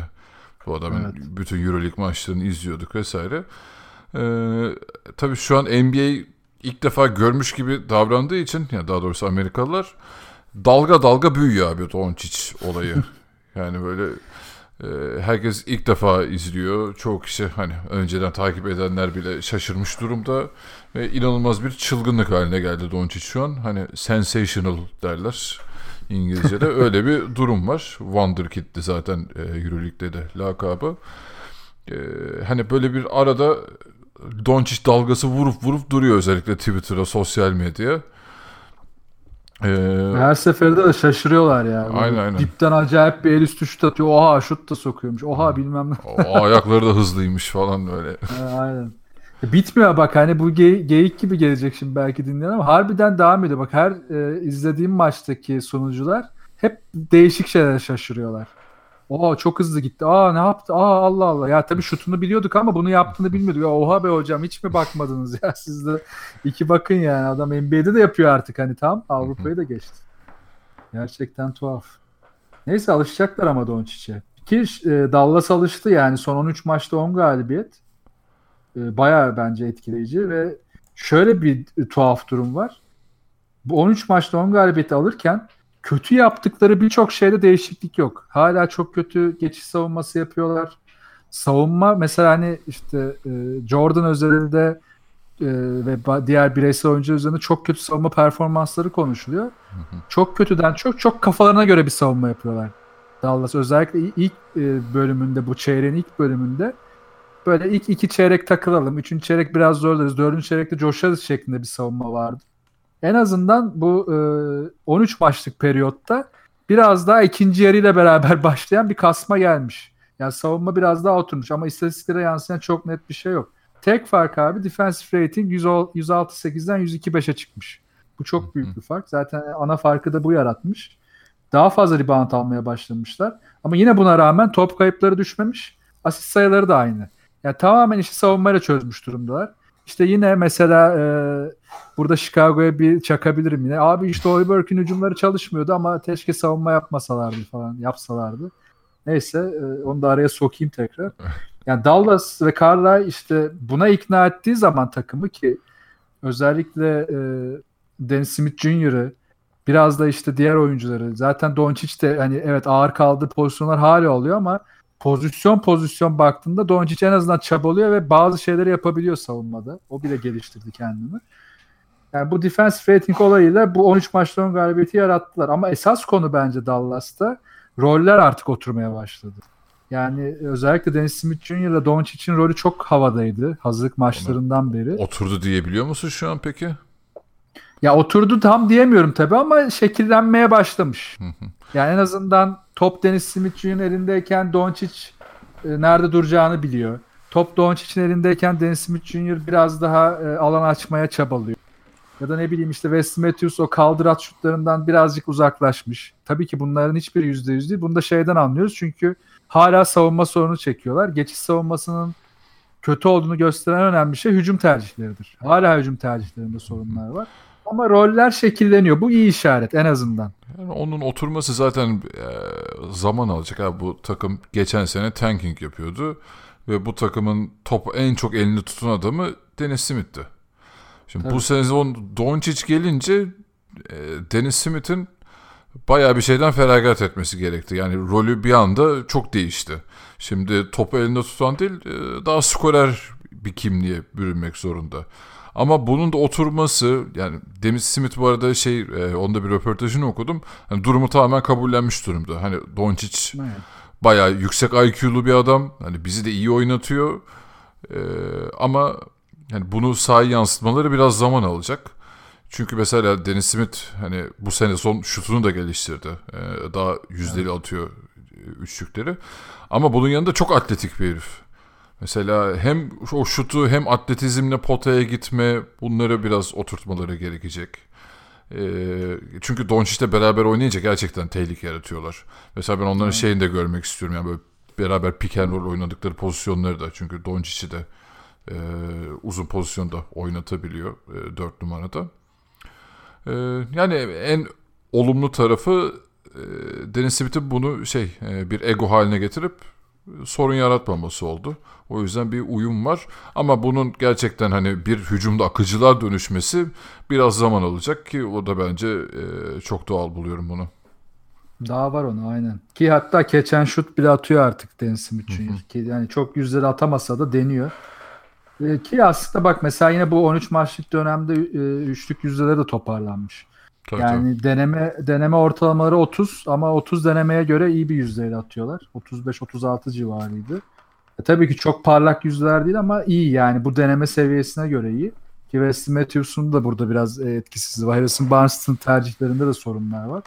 Ama tabii şunu da fark etmiş Rick Carlisle savunmayla beraber. Dennis Smith ve Doncic'in rolleri biraz oturmaya başlayınca Doncic'e demiş ki abi sen topla yarat tamam bunda sorun yok ama alan üzerinden de yarat. Mesela işte demin konuştuğumuz konu Doncic piki kullandıktan sonra kendi savunmasının arkasına alıp böyle etrafında böyle 360 derece bir alan yaratıyor. Çünkü diğer savunma oyuncuları da işte Dennis Smith Jr.'ın e, spacing'i bir anda işte Wes Matthews'un space, spacing'i de yardım gelmesi de zorlaşıyor. Orayı da çok iyi ayarlıyorlar. O 360 derece alanın içinde de hem kat eden oyuncuyu görebiliyor hem Jordan varsa Jordan'ın e, devrilmesini görebiliyor. Bunu inanılmaz yapmışlar. Dennis Smith Jr. da tam tersine yine senin de bahsettin hani çembere gittikten sonra topu çevirme ya da gidebiliyorsa bitirme üzerine biraz daha bir rol sahiplenmiş ve artı işte o geçen şutları köşe köşe şu- şutları denemek üzerine biraz daha rolü değişmiş. Ya bu e, işte Rick Carlisle'in Rick Carlisle'in başarısı. Yani savunmayı bu kadar toparlarken hücumda da kimseyi üzmemesi ve onları e, doğru rollere yönlendirip ki hatta bence e, Rick Carlisle'dan pek beklenmeyecek şekilde belli durumlarda e, serbest de bırakmış.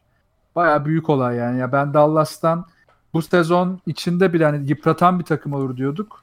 Ufak ufak biraz e, beklentim artıyor Dallas'tan açıkçası. Bir de e, Doncic özelinde şunu söyleyeyim. Abi adam daha kaç maç oynadı? 21 maç oynadı. Adamın adına şarkı yazıldı be abi.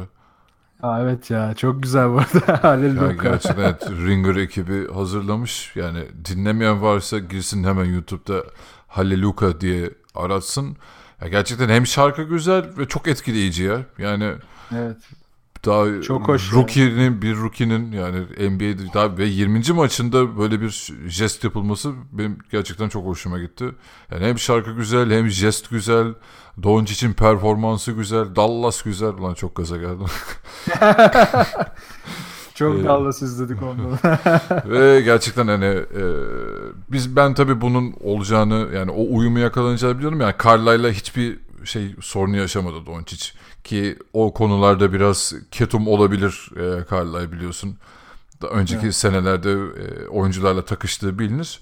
Ama Doncic e, 19 yaşında olmasına rağmen çok CV'si çok dolu bir adam olduğu için belki de şu ana kadar e, rookie'ler arasında gerçekten CV'si yani geçmişi en dolu adamlardan biri bu yaşta.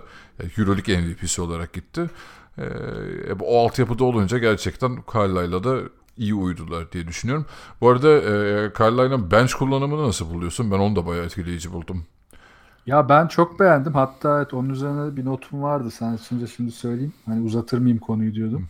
Ya bench kullanımı hem rotasyon olarak iyi hem de oradaki strateji stratejik yaklaşımı da çok iyi.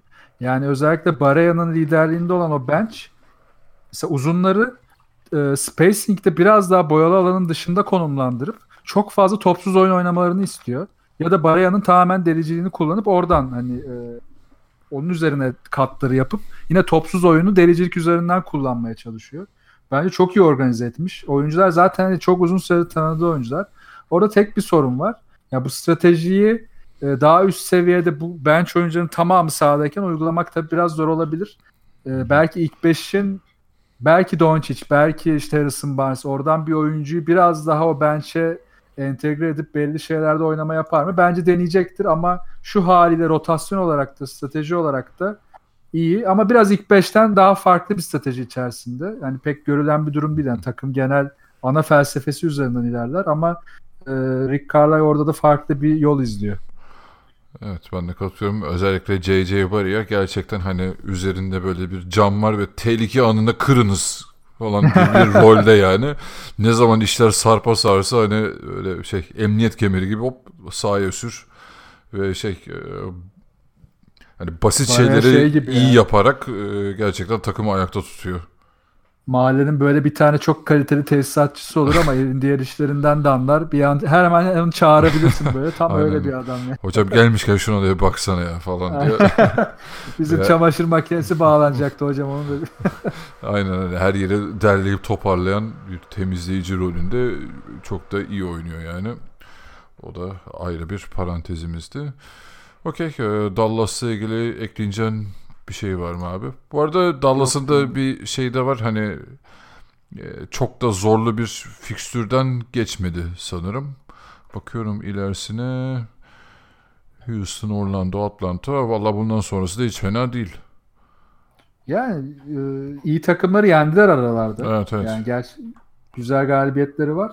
Ama tabii şey esas e, bakmamız gereken o galibiyetleri alırken de saçmalayabilirlerdi. Ama saçmalamıyorlar. Bu iyi işaret. Beni o mutlu ediyor Dallas'a. Ya Doncic izlemek zaten keyifli. En azından artık Dallas izlerken de az çok keyif alabiliyorsun. Tabii tabii dediğim gibi yani geçen sene tanking yapan bir takımdan bu sene böyle ne yaptığını bilen ve genç oyuncularla bunu yapan bir takım izlemek gerçekten güzel. İzleyiniz efendim siz de Dallas izleyin. Dediğim gibi girip yandan da Halil Luka şarkısını dinleyeyim. Ben bazen çalışırken falan da arkada açıyorum yani güzel gidiyor. Mis gibi. Evet diyelim ve bir sonraki konuma bakıyorum. Evet ee, bildiğin gibi NBA'in ilk çeyreğini geride bıraktık. E, Biz de trende uyacağız değil mi? Ödül verdik. Tabii tabii mutlaka bizim e, geleneksel ilk çeyrek ikili oyun ödüllerini vermezsek olmaz. Okey burayı biraz daha hızlı geçeriz diğerlerine göre. Çünkü zaten takımları ve oyuncuları konuşurken üzerinden de bol bol geçiyoruz. Yani konuşmadığımız bir yer varsa orada da değinebilirsin. En iyi takım. Ya en iyi takımda aslında çok arada kaldım ben. Hani düz cevap versek olsam evet Toronto deyip geçerim ama Kimler Ee, arasında kaldın? ben bir batı bir doğu söyleyeceğim o yüzden Denver ve Toronto. Oo. Denver ya Denver çünkü yok içten dolayı da hem de Denver'ın geçen seneki o evriminden sonra ya bu sene geçen seneye göreki evriminden sonra beni çok mutlu ediyor izlemek. Bir gönül bağında var şimdi. Onu da Var var bir Jokic'e bir şeyimiz var. var, var. Bir o City Edition formaları da için gidiyor onu da biliyoruz. Aynen. Alamadık ama hemen bitti. Bu arada benim de Toronto'ydu. Yani hmm, bir hani Kawhi ile o uyum nasıl olacak Kawhi kendini kanıtlar mı falan derken herif de bayağı darmadağın ederekten gidiyor yani hiç sorguya suale şey yer bırakmadan takır takır oynuyorlar. O yüzden benim de cevabım Toronto oldu. Peki abi izlemekten en çok e, zevk aldığın takım hangisi? Bakalım uyuyacak Ya. mı bizimkiler merak ettim. Bunu söyleyeceğimi hiç düşünmezdim ama Sacramento Kings. Harbi. evet abi inanılmaz zevk alıyorum. Her hafta en az bir iki maçını izliyorum. Yani Bogdan da döndükten sonra iyice zevkli oldu. Galiba ben çok sırf seviyorum yani. Divac en iyi GM'dir diyebilir miyiz o zaman? Ya onu, onu demeyeceğim. Israrla demeyeceğim. Yok sonunu görmemiz lazım. Filmin sonunu izlemeden iyi film diyor muyuz? Demiyoruz. Görmemiz lazım. Benim de izlemekten en çok keyif aldığım takım Bucks. Yani Aa, güzel. tabii ki de bunun %90'ını Antetokounmpo'ya yazıyoruz ama yani e, geç birkaç yayın önce söylemiştim sanırım yani beni en çok heyecanlandıran ad- e, şu an NBA oyuncusu olarak adlandırmıştım. Yani adamın daha neler yapabileceğini, nerelere gidebileceğini görmek beni heyecanlandırıyor. Her maçta farklı bir şey izleyebiliyoruz. Yani bu sene o e, koç değişikliğinden sonra açılan box oyunu Antetokounmpo'ya o özgürlüğü tanımaları, boyal alan dominasyonu çok inanılmaz seviyelerde. Yani bu sene sonunda çok özel rakamlar elde edecek gibi hissediyorum. Umarım hiçbir sakatlık olmaz. O yüzden ben Bucks'ı izlerken çok keyif alıyorum. Ya Bucks'a Budenholzer özelinde teşekkür etmek lazım ya. Hala bazı takımlar hicim seti, hicim seti diye konuşurken randomness oyunu getirip e, Antetokounmpo'dan ve takımın tamamından inanılmaz verim almaya başladı. Çok yani Budenholzer'a bizim de önümüzü açtığı için e, söylemlerimiz konusunda çok teşekkür ediyorum. Ee, peki o zaman en iyi savunma takımı. ya bu bence çok net Memphis ya. Bilmiyorum sen ne diyeceksin ama. Ee, yani burada tabii adaylar arasına Memphis'e katılıyorum şu ana kadar gerçekten Gasol'le inanılmaz bir seviye çıktılar. Ee, Oklahoma'yı da katabiliriz. Ben Boston'a da katıyorum açıkçası. Ya tabii canım hepsini yazarız. Ama ben bu sene özelinde ya zaten ya sezon sonunda muhtemelen en iyi takıma Boston diyeceğiz. Savunma takımına da en azından bu çeyrek özelinde Memphis bir de hiç beklenmiyordu ya böyle bir şey olacak. Evet Savunma underdog severiz bir de yani böyle bir çıkış güzel hikayede olunca orada Memphis Aynen. gerçekten e, iyi bir fark yarattı orada. Diyelim sürpriz takım. Ya bu Clippers herhalde ya benim üzerimde. Yani Clippers hatta Memphis'i de kenarına yazabilirsin parantez içinde ama Clippers e, yine de hani Dark Rivers'ı çok da eleştirdiğimiz için yine de yani iyi- sakatlar iyileşse de yine de bu kadar iyi olamaz diye düşünüyordum. Oldular helal olsun. Bence bu çeyreğin sürpriz takımı. Ya Memphis'te en azından bir yıldız oyuncu figürü var. Clippers'ta o da yokken bence bunu yakalamaları çok bence hala şaşırıyorum yani. Evet çok şaşırıcı. Sen de mi Clippers diyorsun? Aynen Clippers yazmıştım ben de. evet, aynen. İyi. İşte bak aklın yolu. Peki e, ilk çeyreğin hayal kırıklığı nedir? Hangi takımı? Ben çok net Utah diyorum ya. Öyle mi? Ben Boston Aynen. demiştim. Severiz de döveriz de diyorsun ya. ya şu açıdan ben hala iyi olacaklarını düşünüyorum. Ama e, Boston'ı şu yüzden yazdım. Abi LeBron gittikten sonra işte Hayward dönüyor, Kyrie dönüyor. Abi sezon başı hype'ı çok yüksekti Boston'da. Yani tam abi finale yaz gitsin modundaydı yani herkes Boston'ı. Ben o yüzden hani ilk çeyrekteki beklentileri karşılayamadı. Ha ikinci çeyrekte bakalım hani bir önümüzdeki 25 maçta nerelere gelecek iş. Ama o dediğim gibi başta heyecan çok yüksek olduğu için hani kafadan tepeye yaslan Golden State Boston finali nasıl olacak falan diye konuşulurken e, o açıdan büyük bir hayal kırıklığı yaşandı gerçekten herkeste. Evet, evet beklentiye göre düşüş çok sert. Ona katılıyorum. O konuda evet Boston'a yazar. Ama Utah'ta da bu, bu kadar e, kötü kötü kötü bir başlangıç herhalde kimse beklemiyordu. O da çok ekstra oldu. E tabii e, Utah'da hani geçen sene o kadar iyi bitirdiler ki bu sene herkese umut Evet. dağıttı yani. E çünkü personelde de çok büyük bir değişim olmadı Utah Jazz'da. Yani kadroyu koruyan bir yapıları vardı. Snyder falan hani çok iyi bir koç. Oyuncular formda falan hani daha da üzerine koyacak diye beklerlerken onlar da darmadağın oldu. E, burada da bonus herhalde Houston Rockets'e veririz hayal kırıklığında.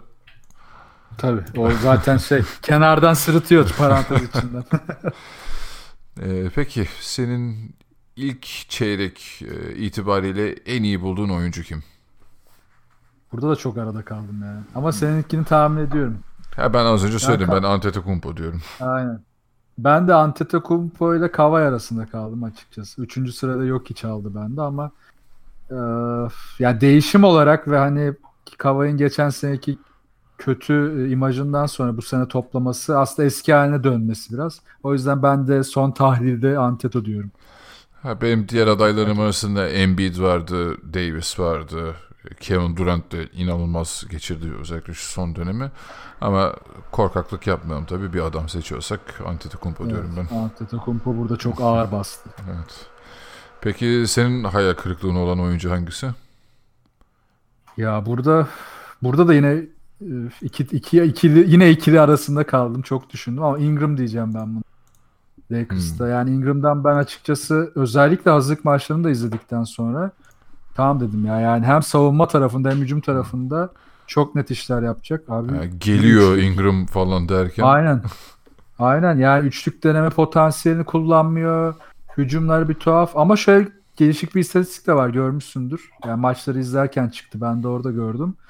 LeBron James sahadayken ve yokken onun e, etkisi çok değişiyor. Yani LeBron James yokken e, bayağı yükseliyor. Biraz orada top hakimiyetiyle ilgili bir e, sıkıntı var Ingram'ın kafasında o belli. Onu biraz çözmesi lazım. Hani LeBron James'le abi oynayacaksın ya ona yapacak bir şey yok. Parantez içindeki oyuncum da Ben Simmons bu arada onu da ekleyeyim. Hmm, ilginç. Evet.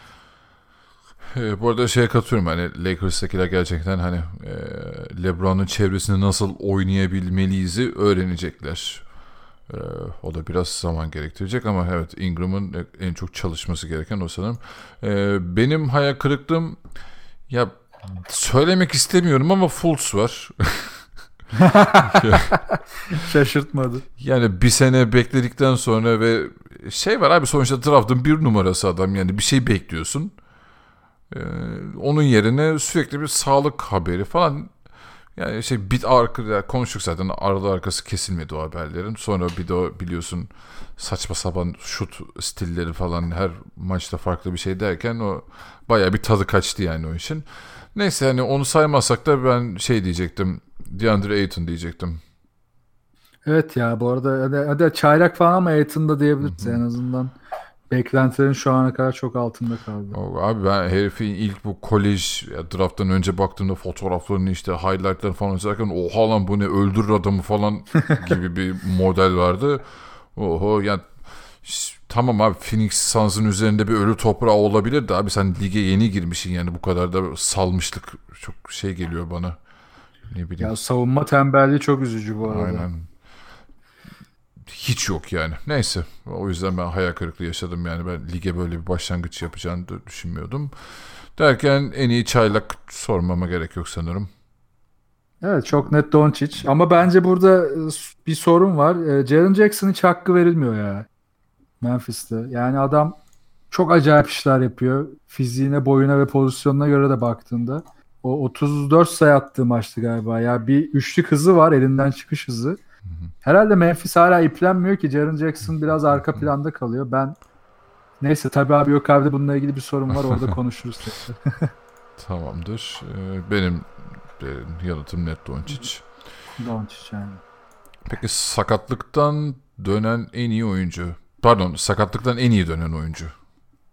Ya bunu ben özellikle ekledim bu çeyrek soruların içine. Ee, şey tartışılıyor hep işte e, ya sakatlıktan dönüşünde işte Fultz'tan itibaren tartıştığımız konular. Ya bazı oyuncular çok iyi dönebiliyor. Demek ki yani gerçekten ya bu takımların sağlık ekipleri çok iyi ya oyuncular kendine iyi bakıyor ya da süreçleri çok iyi geçiriyorlar. Yani bunu o yüzden ekledim biraz. Benim buradaki adayım Bogdan açıkçası. Bogdan Bogdanovic. Hı hı. Ee, benimki de Kyrie'ydi açıkçası.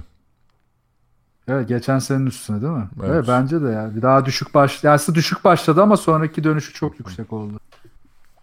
Yani özellikle son bir aylık e, süreçte bayağı bir vites yükseltti. Bir ay değil mi ne son 2-3 haftada. O saçları kestikten Aynen. sonra bir e, demiştim ben zaten çıkışa geçecek diye gerçekten. Bir de düz dünya teorisinden vazgeçti. O da rahatlattı bence onu. Kafası rahatladı. Evet aklı başına gelmeye başladı. Ha bu arada şey de var yani Gordon Hayward olan herif ayak parça kırdı yani. Tamam şu an e, iyi dönme yani formsuz ama yani bir sene içinde de tekrar sağlara dönmesi yani adam e, ben ben tabii işte sosyal medyadan falan takip ettiğim için yani herif gerçekten çok çalıştı yani. Evet ya. Belki biraz daha bu 30 maçlık performansının üstüne bir 3-4 maç daha böyle gitse ben onu da söyleyebilirdim harbiden. Hayward'da tabii, tabii. Bakalım e, istersen devre arası ödüllerinde de tekrar konuşuruz. Aynen, bir orada bakarız. Bittiğinde. E, en iyi bench oyuncusu.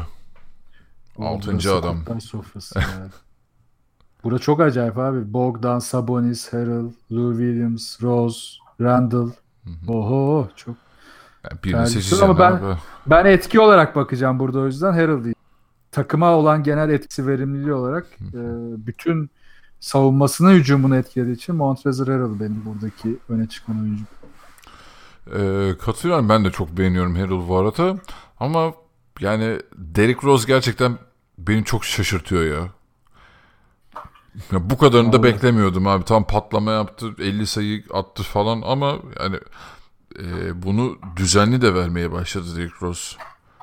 Bu kadar şeyin Arada üzerine... Bir, bir maç patladı ama genelde üçlük yüzdesi falan hala iyi gidiyor yani şaşırtıcı. İkinci mi üçüncü mü ne galiba en yüzdeli üçlük aynen, atan. Aynen inanılmaz atıyor. Yani kendisi üçlük yani şutör bir adam değildi. Yani o Tabii. altyapıdan geldi, o temelden gelmedi. Ee, evet o yüzden ben Derrick Rose diyorum. Bu arada benim adaylarım arasında Fred VanVleet de vardı. Ben onu da çok seviyorum. Ne, VanVleet evet etki olarak çok önemli bir oyuncu. Peki buna cevabını net biliyorum ama soracağım. En iyi savunma oyuncusu. En iyi savunma oyuncusu. Burası çok kalabalık yine ya bence. ya ben seçeceğim çok net kişi... Bir... Ya bakayım tutturabileceğim mi? Gasol. Ya adaylarımı bir söyleyeyim. Yani Gasol tepede tabii. Ama Gasol'de de şöyle bir deflek var. Şey e, çemberden uzaklaşınca da çok düşüyor savunması ya. Böyle bir tuhaflık var. Çember boyalı alanda inanılmaz.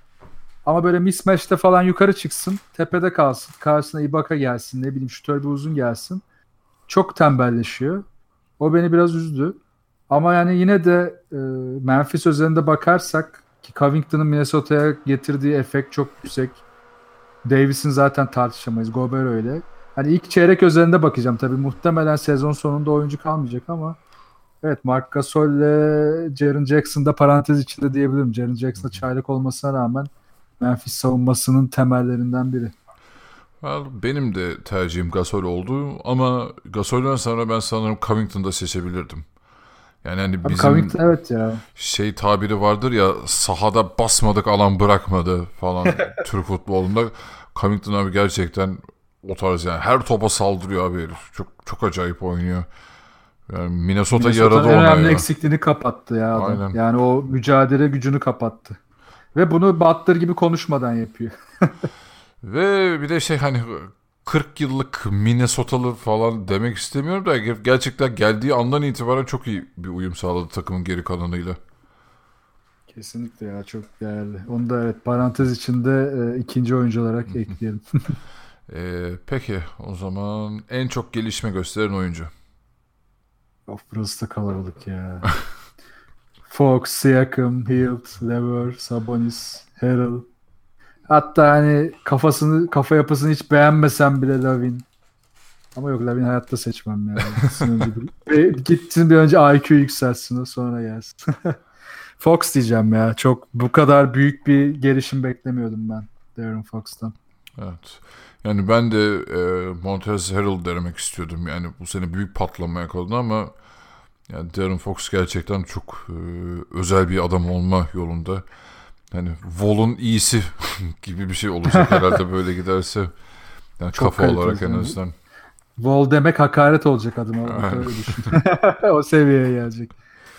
Parantez içine de Siakam'ı yazarız ama ya. Toronto Tabii canım ya o da gerçekten inanılmaz bir e, çıkış yakaladı bu sene. Çok etkileyici oynuyor. Bayağı iyi.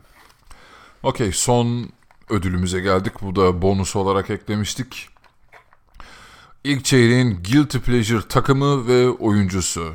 Yani Guilty Pleasure'dan kastımız bu arada bilmeyenler için.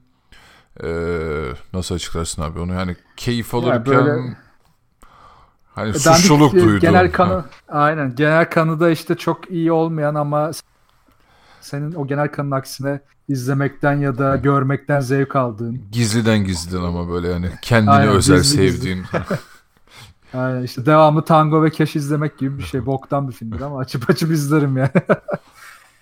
Ee, ben Brooklyn Nets diyeceğim ya buna ve De- DeAngelo Russell diyeceğim. Yani evet takım olarak çok iyiler. Çok seviyorum oyun yapısı olarak ama bu kadar kay yani son dönemde daha da çok maç kaybettiler lever sonrasında. Russell gibi dengesiz bir oyuncuya sahipler ama beni izlemek zevk veriyor ya. Hatta Hield'ı bile ucundan eklerim. Buddy Hield'ı bile e, çok eleştirilirken de olan bu adamdan bir şeyler olabilir ha falan diyordum. Böyle gizliden gizliye. Ama evet e, öncelikle alalım Brooklyn Nets ve Russell. Benim burada farklı bir cevabım var. Yani yaklaşımım senden biraz daha farklı. Bu arada benim takım ve oyuncum e, yani oyuncum aynı takımdan değil. Benim takımım Washington Wizards abi. Vay. Şöyle açıklayacağım. Zevk Acı almıyorum. Aynen. Zevk almıyorum. Ama o magazinsel ya da öyle benim çekiyor ki Wizards'ı görünce böyle hani elimde çekirdek varmış gibi "Pıt, ne olmuş lan dur aç aç falan diye. Yandan tükürüyor değil mi? Aa Wizards falan diye konuşalım bir olay olsun ne bileyim sahada bir saçmalasınlar iyice bir kopukluk görelim falan yani olay istiyorum böyle Wizards'ı izlerken. O yüzden o benim böyle e, gizliden gizliden böyle şeyim oldu. E, guilty pleasure'ım oldu. E, ama dediğim gibi hani e, basketbolsal bir neden değil tam magazinsel ve o işlemeyen takım sistemini görmek bana bir haz veriyor sanırım ben. Bence manyağım. çok güzel cevap oldu be. Ee, yine buna yakın bir cevap olarak da oyuncuyu ben DeRozan seçtim abi. Yani Ha. DeRozan'ı seviyorum. Sahada yaptıkları da gerçekten etkileyici. Ama işte bir yandan da şey Spurs'u konuşurken Popovic özelinde De- DeRozan'a da girdik ya biraz. Yani saçma sapan şeyler yapıyor. Eski alışkanlıklarına geri döndü falan. O yüzden bir guilty pleasure haline geldi benim için DeRozan. Bu arada inanılmaz bitirişler yapmıyor mu bir yandan? Aynen aynen işte abi. Çok 360'lar. Ha, çok hayvan gibi pozisyonlara giriyor ama boş üçlük atmıyor falan. Öyle yani e, nefret ederken aynı zamanda çok büyük hayranlıkla izliyorum falan bir şey garip bir durum oldu yani. Güzel cevap. Beğendim. Senin cevabın daha iyiymiş. Ben daha takım özelini düşün. Beğendim cevaplarını. E, Okey bu arada hadi kısa bir ara daha verelim hemen sonra tabi abi yok abi klasikleşen bölümümüzde devam edeceğiz. Kapatırız.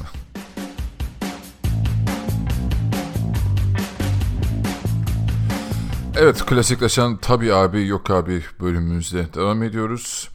İlk ben başlıyorum abi. Ali Haydar Yıldız yollamış. LeBron James bu yıl Cavaliers'te kalsa doğruda yarı final göremezdi. Bunu tabii şeyle mi düşüneceğiz? Aynı takımla mı yoksa takviye yapılmış? e, Cleveland'da bir işte. detayı yok. Aynı Ben takım yok. gibi düşün. Ben yok abi diyorum buna. Görürdü. Yani final deseydi bir düşünürdüm ama yarı final görürdü abi ben de yok abi diyorum o yüzden. Tabii bizim görür. Ona. Çok rahat görür. Ölüsü görür. Tam şey kahve muhabbeti olur. Tek başına takım abi falan. Tabii oğlum yazarsın yanına da 5 tane adam yazarsın. Bak 5 tane fazla. o zaman soruyorum ikinciyi. Sor abi. Bu sene Toronto'dan 3 oyuncu All-Star seçilir. Taştan heykeltıraş sormuş. Çok iddialı be. Ne diyorsun? 3 yani işte Kava'yı yaz. Ee, anladığım kadarıyla bu arkadaş Lav- bu Lowry Lowry kalktı. Onu da yaz. 3 kim? İşte Siakam mı? Siakam. Siak- Ben zannetmiyorum abi ya. O yüzden yok, ya, abi çok diyorum. zor. Ben de yok abi diyorum. Yani evet Siakam iyi, hoş, güzel. Sevdiğimiz bir arkadaşımız ama yok yani Toronto'nun 3 oyuncuyu All-Star seçtirmesi ki özellikle bu sene çok patlayan oyuncu var. Takımlar Yani e, çok böyle şey batı acayip oldu falan. E, zor yani 3 All-Star biraz sıkıntı. Yani gerçekten dediğin gibi çok iyi oyuncular var. Yani Siakam ne kadar iyi oynarsa oynasın Yani daha ona gele, gelene kadar e, adını yazdıracak çok adam var. O yüzden 3 çok zor bence. Aynen. O yüzden yok abi diyoruz. Ve Bartu Armutlu'nun sorusuna geçiyoruz. Bu sezon 15.5 sayı, 3.4 asist, 2.8 rebound, %42 saha içi, %43'lük isabetiyle oynayan Bogdanovic bu formunu sürdürürse en iyi 6. adam ödülünü alabilir mi? Tabii abi. Ama tabii bir istisna var. Ee, herkes ilk beşe yerleşmesini bekliyordu ama Yeager onu daha böyle ana top yönlendirici gibi kullanıyor kenardan getirip. Hatta gibisi yok öyle kullanıyor. Darren Fox da böyleyken hani beraber de oynuyorlar. Biraz bence bench'te kalıp onu bench'ten getirip yine çok süre verecek. O yüzden ben buna net tabii abi diyorum. Alabilir ödülü. Ya böyle devam ederse ben de tabii abi derim. Ama bir noktada ben ilk beşe geçeceğini düşünüyorum ya. İşte e, yani sak yani sakatlık falan olursa %100 geçer. Ama şu haliyle geçirir mi geçirmez mi ben çok aradayım yani bana geçirmeyecek gibi geliyor. Yani Biraz evet, o roller orada değişik. koçun kararına bağlı olaraktan tabii abi diyoruz o zaman. Evet biraz öyle aynen. Tabii ilk 5'e girerse bu soru e, kendini yok eder. Evet. evet. o zaman devam. Anthony Bennett NBA'de bir daha şans bulabilir. Volkan Bilgin. Bu arada bunun çıkış noktası da şu sanırım. E, G League'de bir maçta 30 sayı mı ne attı? Kariyer rekoru kırmış evet. Aynen, Ben izlemedim hiçbir şey ama sadece haberi gördüm. Ya ben baktım highlightlarına ki bir highlight'tan değerlen- değerlendirme yapmayı sevmem ama hani oturup da 40 dakika 48 dakika Bennett'i izleyecek halim yoktu. Ee, yani gördüğüm highlight özelinde evet e, skor üretebiliyor ama hani genelinde ne yapıyor? Savunmada ne durumda? İşte Fizikte kafası bir ne durumda? var mı? Fizik pek görmedim ben çok Ha. net bir değişiklik görmedim. Daha, daha fit duruyor ama hani incelme gibi bir durum yok. Ben çok zor ya. Yok abi diyeceğim o yüzden. Ya ben Almadım. şöyle diyeceğim. Ya NBA'de biliyorsun çok e, küçük kontratlarda verilebiliyor. Böyle Hmm. bir 3-5 maçlık aldıklarını görüyorsun. Sadece playoff döneminde eklemeler yapılabilir. Hiç oynamıyor bile ama alıyor kontrat. Ha öyle İki, bir şey belki hafta. olabilir. Ha belki olabilir. G League'den çektikleri adamlar oluyor. Sonra geri yolluyorlar falan. Olursa ben öyle bir şey ama bunu Volkan arkadaşımız şey gibi soruyorsa hani Bennett bundan sonra böyle uzun bir kontrat NBA'de falan alabilir mi? Ben çok düşük görüyorum o Ha. ihtimali. O yüzden yok Doğru. abi diyorum. Ha öyle bir dönüşüm yaparsa ağzım açık kalır açıkçası. Yani bu kadar dibe vurduktan sonra hiç beklemiyorum açıkça. O yüzden ben yok abi dedim. Cek ceketimizi ilikleriz. Okey ben soruyorum. Berkay İsel sormuş. Ee, Oklahoma City'de Westbrook yerine Kemba Walker olsaydı batı finali görürlerdi. yok abi. yani e, yok olmazdı. Yok. Yok buna ben de yok diyeceğim. Ya buna açıklama bile yapamıyorum çünkü şöyle yani Westbrook'u biz ne kadar eleştirirsek eleştirelim. Bu arada Westbrook'la ilgili şöyle tuhaf bir detay var.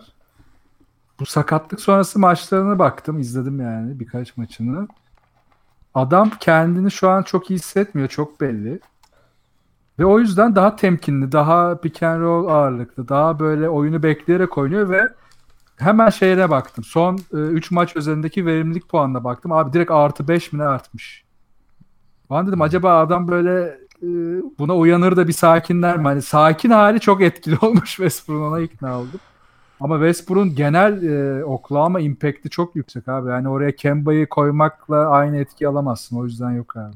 Evet o, ben de katılıyorum. Yani e, bir ara konuştuk zaten bunu geçen sene. Hani ne Westbrook'lu ne Westbrook'suz bir sistemi vardı Oklahoma'nın.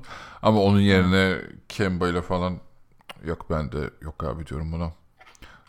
Yani batı finali fazla iddialı oluyor zaten onun için. Aynen. O zaman son soruda benim kendi sorumu eklediğim. Jaren Jackson sezon sonunda en iyi çaylaklar sıralamasında tepeyi zorlar. Tepeden kastın son 3 ise Ya, Do- son- Doncic'le kapışır diyorum ben sona doğru. Hmm. O kadar o öyle bir iddiam var. Ben Yine Doncic alır günün sonunda ama hani e, Aiton'mış işte Trey Young'mış vesaire falan bunların adı bile okunmaz. Jaren Jackson'la Doncic çizgiyi beraber e, geçerler. Ben Kapışma olur. şeye tabii abi diyeceğim artık şey son 3 açıklanıyor ya. Bütün Evet. adaylarda. Son 3'e diyorsan ben tabii abi diyorum. Üçüncü kim olur peki bu Doncic'le Jackson'dan sonra? Var mı bir adayı? Valla performansını arttırırsa Trey Young tekrar girebilir oraya. Buralar biraz şey düşüşte. Ee, ya şu halini çok beğendiğimden değil ama hmm, tekrar o çıkışı yakalar. Yani sezon başında biliyorsun bayağı iyi başlamıştı. Tekrar o haline gelirse neden olmasın? Ya Gilgis Alexander da tabii zorlayabilir orayı. Fena gitmiyor. Ama tabii e, Clippers'ın o ilk 5 rotasyonuna girse bile orası çok kalabalık top kullanma olarak. Hani sayısal olarak çok öne çıkamayabilir. Başka Bagley kenardan gelip e, yeni yeni daha üst işler yapmaya başladı ama daha çok eksiği var. Evet ya yani işte bunları düşününce ben net ilk ikiye girer diyorum ya. Yani Jaren Jackson çünkü Memphis yapısı içinde etkisi o kadar yüksek ki savunma olarak da hücum olarak da ve böyle bu kadar hızlı ve yüzdeli üçlük atabilen bir uzun da bayağıdır görmedim galiba ya. Jaren Jackson bence birçok kişi yanıltacak ya da ben çok gaza geldim şu an. Forma siparişi verilmiş galiba şimdi. verdim verdim geri. Bol bol öveyim o zaman. Ee, evet o Galiba zaman bitirdik. evet serkansız bir bölümün daha sonuna geldik. Ee, bizi dinlediğiniz için çok teşekkürler. Ben son kez tekrar bize e, ulaşabileceğiniz kanalları hatırlatayım. Web site adresimiz ikilioyun.com, mail adresimiz selam.ikilioyun.com, Twitter ve SoundCloud'da ve Spotify'da bizi ikili oyun olarak takip edebilirsiniz. Telegram grubumuza bekleriz. Süper Sohbet'in döndüğü yer t.me slash ikili oyun ve Geek Yapar'ın YouTube kanalından da bizi bulabilirsiniz. Diyelim bu arada e, bunu nasıl akıcı söylediğimi merak edenler olabilir. Yazdım arkadaşlar. Ezberden söylemiyorum. Eski Ama yayını Serkan'ın- açtım. Serkan'ın ilk baştaki söylediklerini ve notlar aldım. Oradan okudum. İki, Serkan o konuda geçemez canım. Adam laps laps söylüyordu yani. yani hemen öyle şey şımarmayalım. Serkan performansı beklemeyelim. Biz de bir süreliğine idare edeceğiz o dönene kadar. O yüzden kimse benden bunu ezberlememi beklemesin.